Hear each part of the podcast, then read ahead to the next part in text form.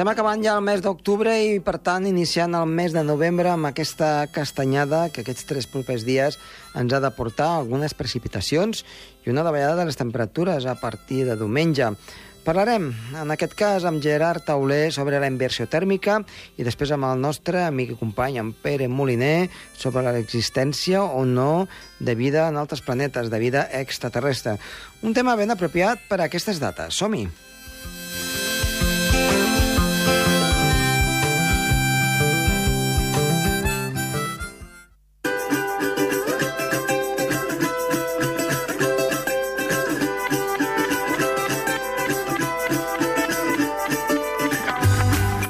Iniciem el programa i parlem, en aquest cas, amb el nostre company i amic, en Gerard Tauler. Gerard, molt bona tarda. Hola, molt bona tarda. Doncs bé, eh, una setmana més, estem en plena tardor i avui ens vols portar un tema que està molt en el camí del que és la tardor a moltes zones, a moltes valls del Pirineu i també fora del Pirineu. Avui ens vols parlar una mica de la inversió tèrmica. Sí, la inversió tèrmica és l'evolució anormal de l'atmosfera que es produeix durant eh, principalment eh, amb la nit i la matinada. Uh -huh. Però a vegades dura tot el dia. En el cas de les boires de Lleida o les boires de qualsevol lloc de a l'hivern, Uh -huh. es, es produeix li- l'inversió tèrmica, que les temperatures són més baixes a les zones baixes que a les zones altes. Normalment la temperatura baixa quan, quan, quan augmenta l'altitud. O sigui, baixa a, a la raó, doncs, al nivell estàndard, un 0,65 graus per, per, per cada 100 metres, o sigui, 6 graus i mig cada quilòmetre d'altura, o 1.000 metres. Uh -huh. I amb una inversió tèrmica a vegades hem observat inversions de 20 graus a- aquí a Girona entre els Àngels, que està a 500 metres, i, i aquí la, les de Sal, que està a 81. I quines condicions meteorològiques hem de tenir per tenir aquesta inversió tèrmica? Anticicló, cel serè i vent en calma. Uh -huh. Si no, no es pot, no es pot formar.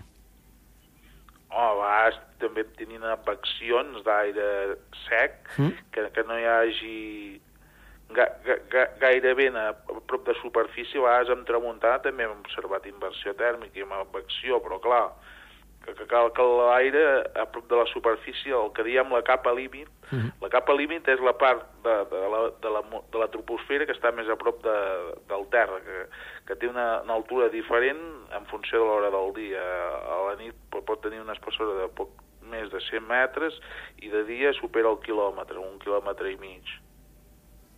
I en aquesta capa límit és on hi ha doncs, Sí, hi aquests... ha, hi ha, hi ha, hi ha gran canvis de, intercanvis de- d'energia, i de, de moment i, i d'humitat i això, si, si, si hi ha estabilitat atmosfèrica a prop de, de, de, de, la, de, de la superfície i en canvi una mica més amunt bufa vent, la temperatura a la part alta de- de- de- de- de- de- d'aquesta zona, de, de la capa límit, és molt més alta que en superfície. Uh -huh. per, perquè el vent provoca que, que, que, hi hagi turbulències i impedeix de, de que baixi la temperatura durant la nit. I en canvi, a, a les zones baixes, si no bufa vent, i perd molt, molta calor al terra, perd molta radiació d'ona llarga i, i es pot refredar, mm. -hmm. contagiant la temperatura de, de, de, del terra que baixa molt a l'aire i, i la temperatura baixa molt durant la nit.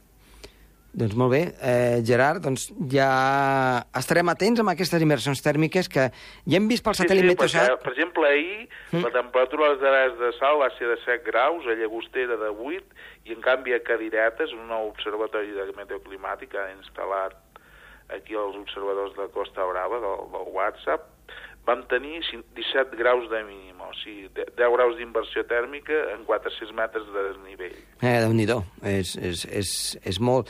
Uh, aquí a Andorra també se'n donen a vegades, Sí, eh? sí, ja ho sé, ja ho Aquí el, a vegades et sorprèn i tot. Per exemple, un cas molt típic és el de el port d'en Valira i, i l'estació de, de meteo de, de Grau Roig, que pot haver-hi 4, 5, 6 graus de diferència eh? entre, Sí, sí, sí, entre ja una sé, zona ja i l'altra. sé. Doncs Gerard, estarem ben atents a... perquè ara ja és el moment aquest de, de que Sí, comencin ara les boires... la tardor és quan es dona més sovint. Més sovint, no? El sol està més baix i, i això afavoreix també la, les inversions tèrmiques, més que l'estiu. Molt bé, Gerard, doncs moltes gràcies. Fins la setmana vinent. Vinga, fins la setmana vinent. Adéu-siau.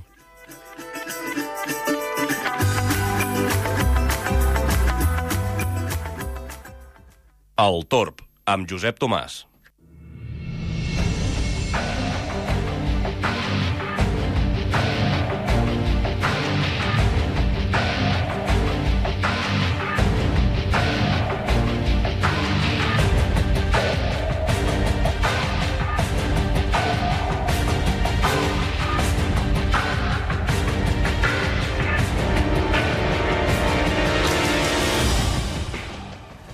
Avui tornem a tenir amb nosaltres el nostre company amic, en Pere Moliner, que ens porta un tema, com sempre, de controvèrsia eh, científica.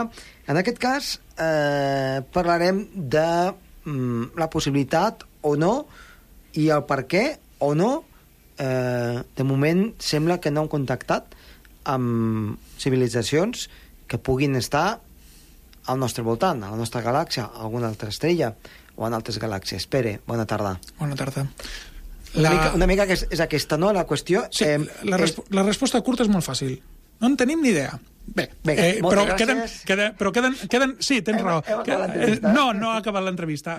Per què volia dir això? Perquè és una lliçó d'humilitat. Ara farem una, el que es diu una lliçó d'humilitat. Uh, aquests 90... No, la resposta curta era aquesta, però explicarem el per què, perquè és molt interessant el per què. Uh, altres vegades hem parlat de, de les creences molt populars de que els ovnis són uh, objectes extraterrestres que ens visiten i jo he explicat el per què la immensa majoria d'històries d'ovnis no deixen de ser deliris, fraus i equivocacions. I un petit percentatge que podria ser cert, jo diria que ni això, però com a, deixem-ho de moment en l'ombra.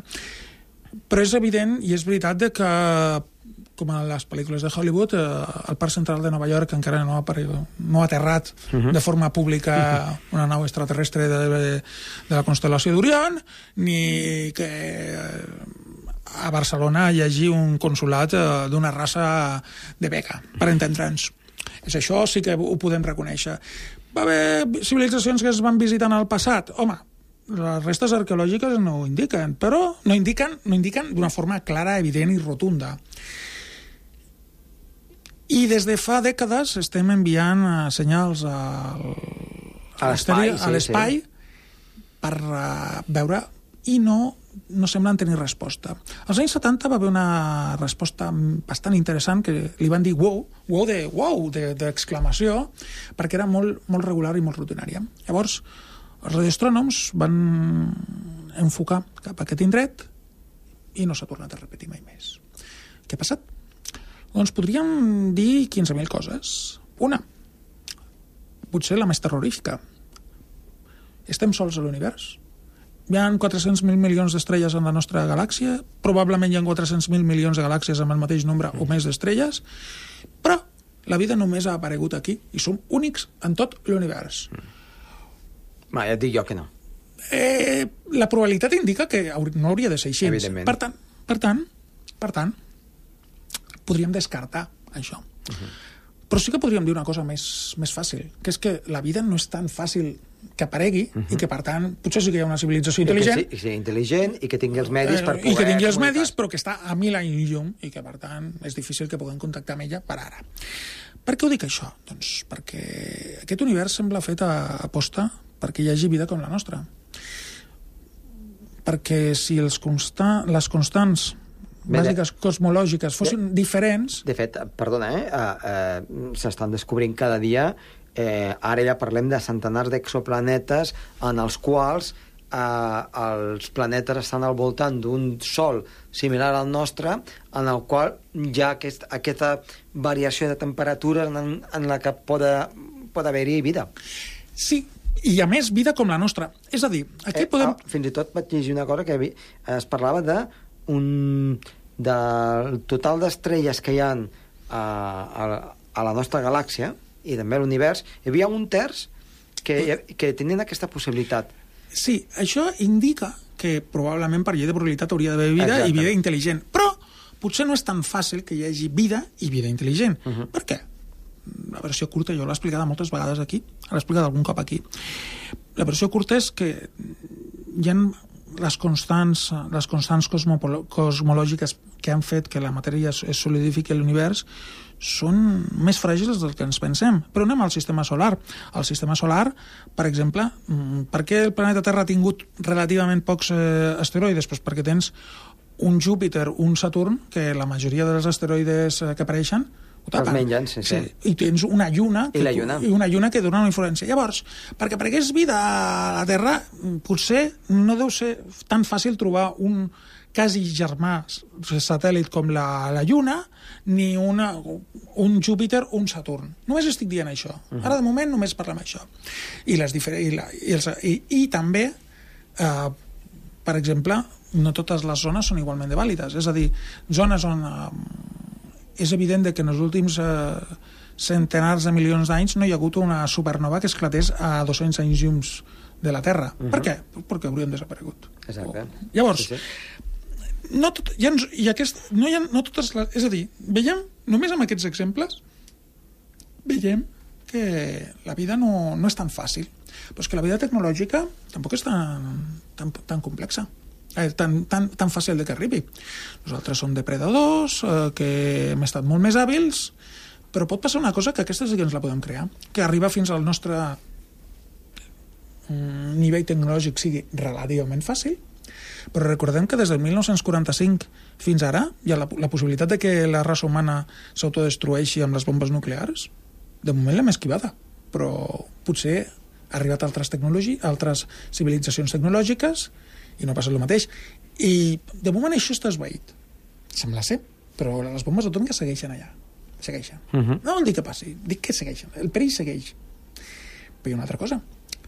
Uh, sí que està comprovat que des del 1880, més o menys, la temperatura ha pujat uns 0,8-0,9 graus. És a dir, bàsicament hi ha un escalfament global, i sembla que la tendència sigui anar més.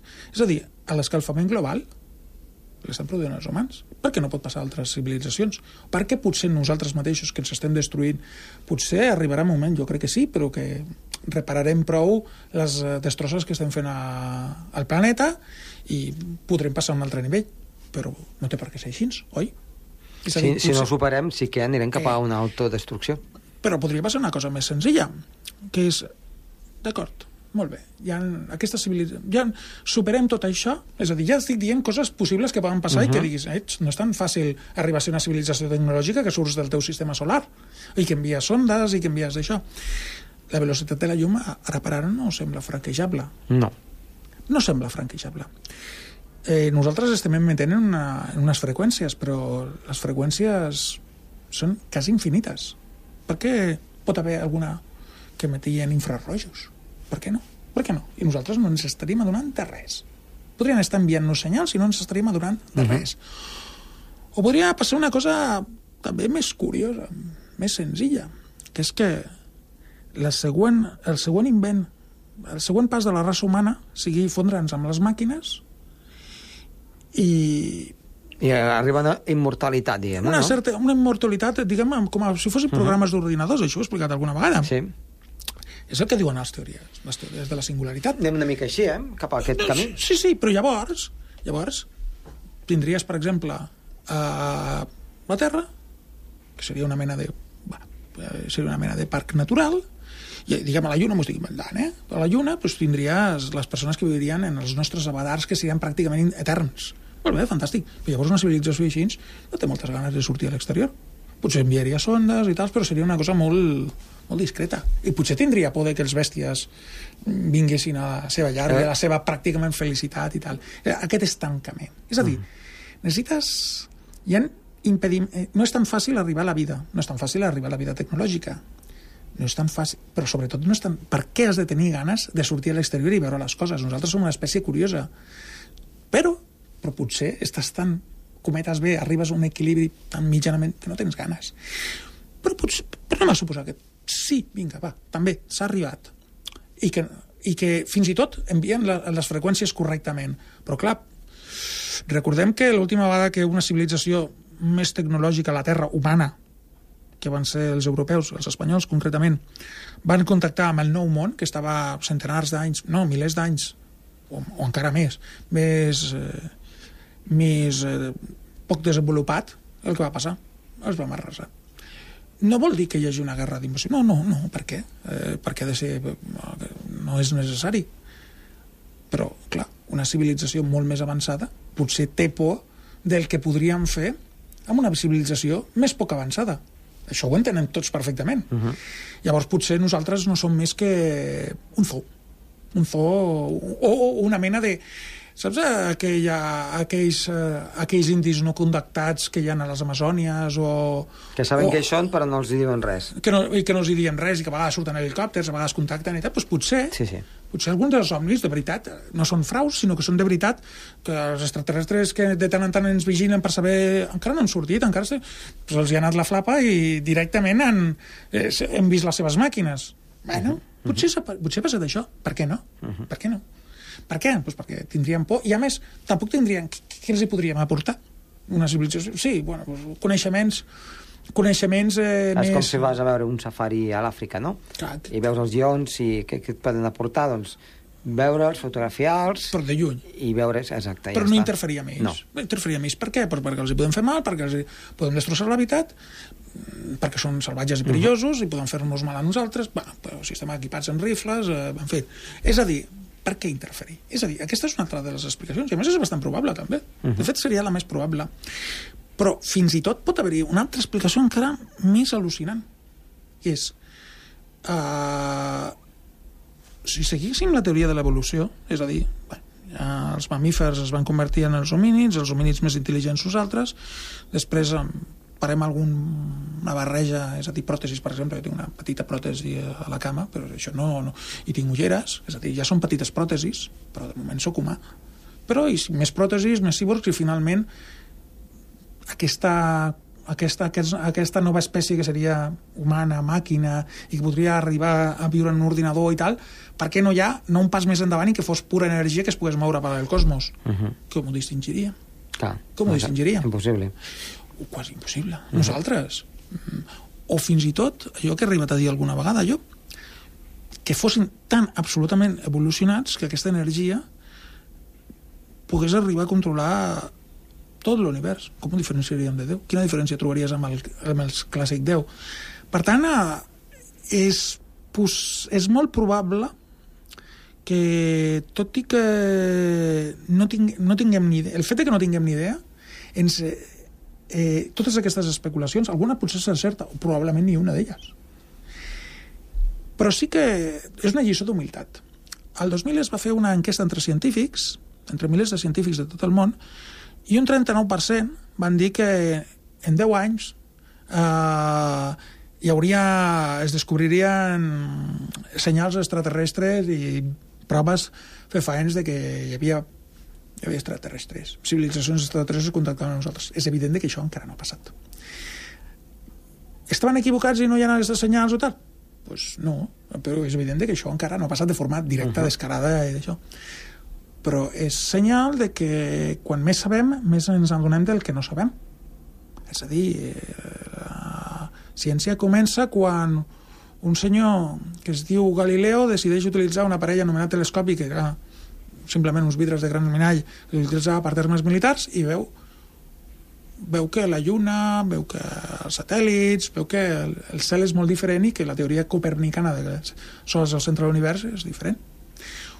Un fanàtic religiós anomenat Newton descobreix que hi ha unes... perquè era un fanàtic religiós, però també pens, veu que hi ha unes aleatorietats, llavors arribem a la teoria newtoniana.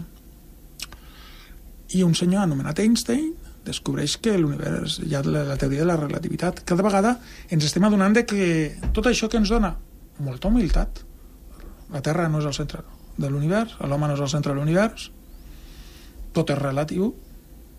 Mm, si mirem els científics socials, eh, Freud ens diu que ni tan sols som l'animal més racional, eh, Darwin ens descobreix que som una espècie més, això sí, la més eficaç de la Terra, però una més. Clar, ens adonem, quan més ens, més sabem, més ens adonem del que no sabem. I en el tema dels extraterrestres passa exactament el mateix. Hi ha una cosa que també podria passar. I si resulta que ens està apareixent aquest senyal, i a més de forma visible i evident, i no ens estem adonant, no perquè emetin en altres freqüències, sinó perquè no podem distingir aquesta vida, perquè clar, pensem que la vida és carboni, aigua, com la nostra, és a dir, el que som, i sí, és molt diferent, no en tenim ni idea. Només sabem la nostra vida. I si no té, evidentment, no té ADN? Estic especulant, no, no, no ho sabem. Uh -huh. És a dir, el que estic obrint és portes a pensar d'una manera més diferent i a, no sé, tan... a baixar aquesta arrogància i a donar-se'n de que l'univers té, mm, bueno, com va dir aquell personatge de Shakespeare, a la, a la Tempesta, a Horaci. No, al revés, a Hamlet. L'univers està més ple de, les, de, de, de coses de les que les filosofies dels mortals poden arribar a imaginar mai. Llavors, eh, com podem saber com, com podem saber quina és eh, per què aquestes civilitzacions extraterrestres no s'han contactat? No ho podem saber. No ho podem. Podem portar-nos alguna sorpresa? Jo crec que és el que passarà. Mm. El que passarà és tot el que acabo de dir segurament passarà una cosa molt diferent. Llavors ens passarem dècades i segles intentant explicar per què havia passat una cosa que que no, mai ens ho havien imaginat. Ni, ens, ni, ni en, en els deliris més bèsties ens, ens havíem pogut imaginar. El signe negre. Arribem aquí, eh, una mica. El signe negre, sí senyor, recordem el signe negre. El signe negre és que a Europa es deia signe negre per coses improbables, perquè clar, era evident que els signes eren blancs, i quan es va arribar a Austràlia es va descobrir que hi havia signes negres. Llavors ja... Eh, llavors dic, no és tan improbable, el signe negre existeix. Existeix. Llavors l'improbable existeix. Per què? Perquè bueno, sent, eh, la nostra ciència només, només sap la composició composició, eh? del 90... No, no, del 5% de, de l'univers que és la matèria i l'energia clàssica. L'altre 70% que es diu que és l'energia fosca, l'altre 20% que seria la, la matèria fosca, són suposicions. És a dir, mm, si no sabem aquestes composicions bàsiques, com podem especular com podria ser una civilització extraterrestre? Quines motivacions tindrà? Ni tan sols si existeix. Evidentment, jo crec que sí. Si pot contactar amb nosaltres, si pot violar les, les lleis que nosaltres coneixem fins ara de la ciència. Per això, entens ara la meva resposta de ni idea? Exacte. Entens ara? Però aquest ni idea és una, un, un crit a la humilitat. És a dir, a fixar-nos en de que cada vegada hem de saber més coses si volem trobar respostes a què, això i altres, i altres qüestions. Doncs Pere, eh, això ho farem. Continuarem estudiant i continuarem doncs, saber-ne una mica més d'aquest món tan apassionat que és, que és la ciència. Pere, fins la propera. Fins la propera.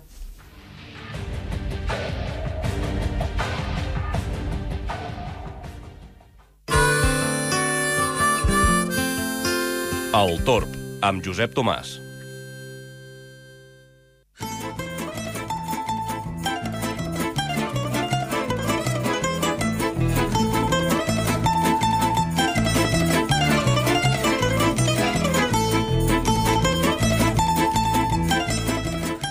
I pel que fa a les previsions meteorològiques per a aquests propers dies, atenció perquè es poden trobar amb inestabilitat, tant al llarg de divendres, també dissabte i diumenge, en què davallen les temperatures i pot arribar la neu cap als 2.000 metres. Tampoc ha de fer una gran nevada, però sí ruixats, baixen les temperatures, definitiva, tant la jornada de divendres, dissabte i diumenge, com diem, eh, si van a l'alta muntanya, precaució. Precaució perquè ens passaran diferents sistemes frontals, no molt actius. Amb això podem estar tranquils que no esperem cap tipus d'aiguat, però sí alguna calta precipitació.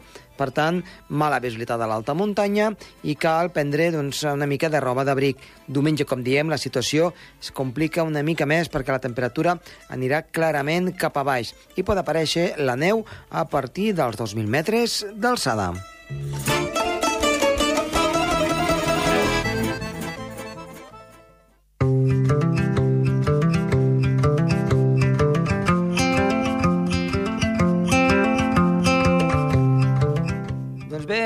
esperem que els hagi agradat el programa. Tornem la setmana vinent amb més situacions meteorològiques que esperem que ens facin canviar una mica el paisatge a l'alta muntanya, que arribi una mica més la neu, que baixen les temperatures. Doncs la tardor va avançant. Adéu-siau.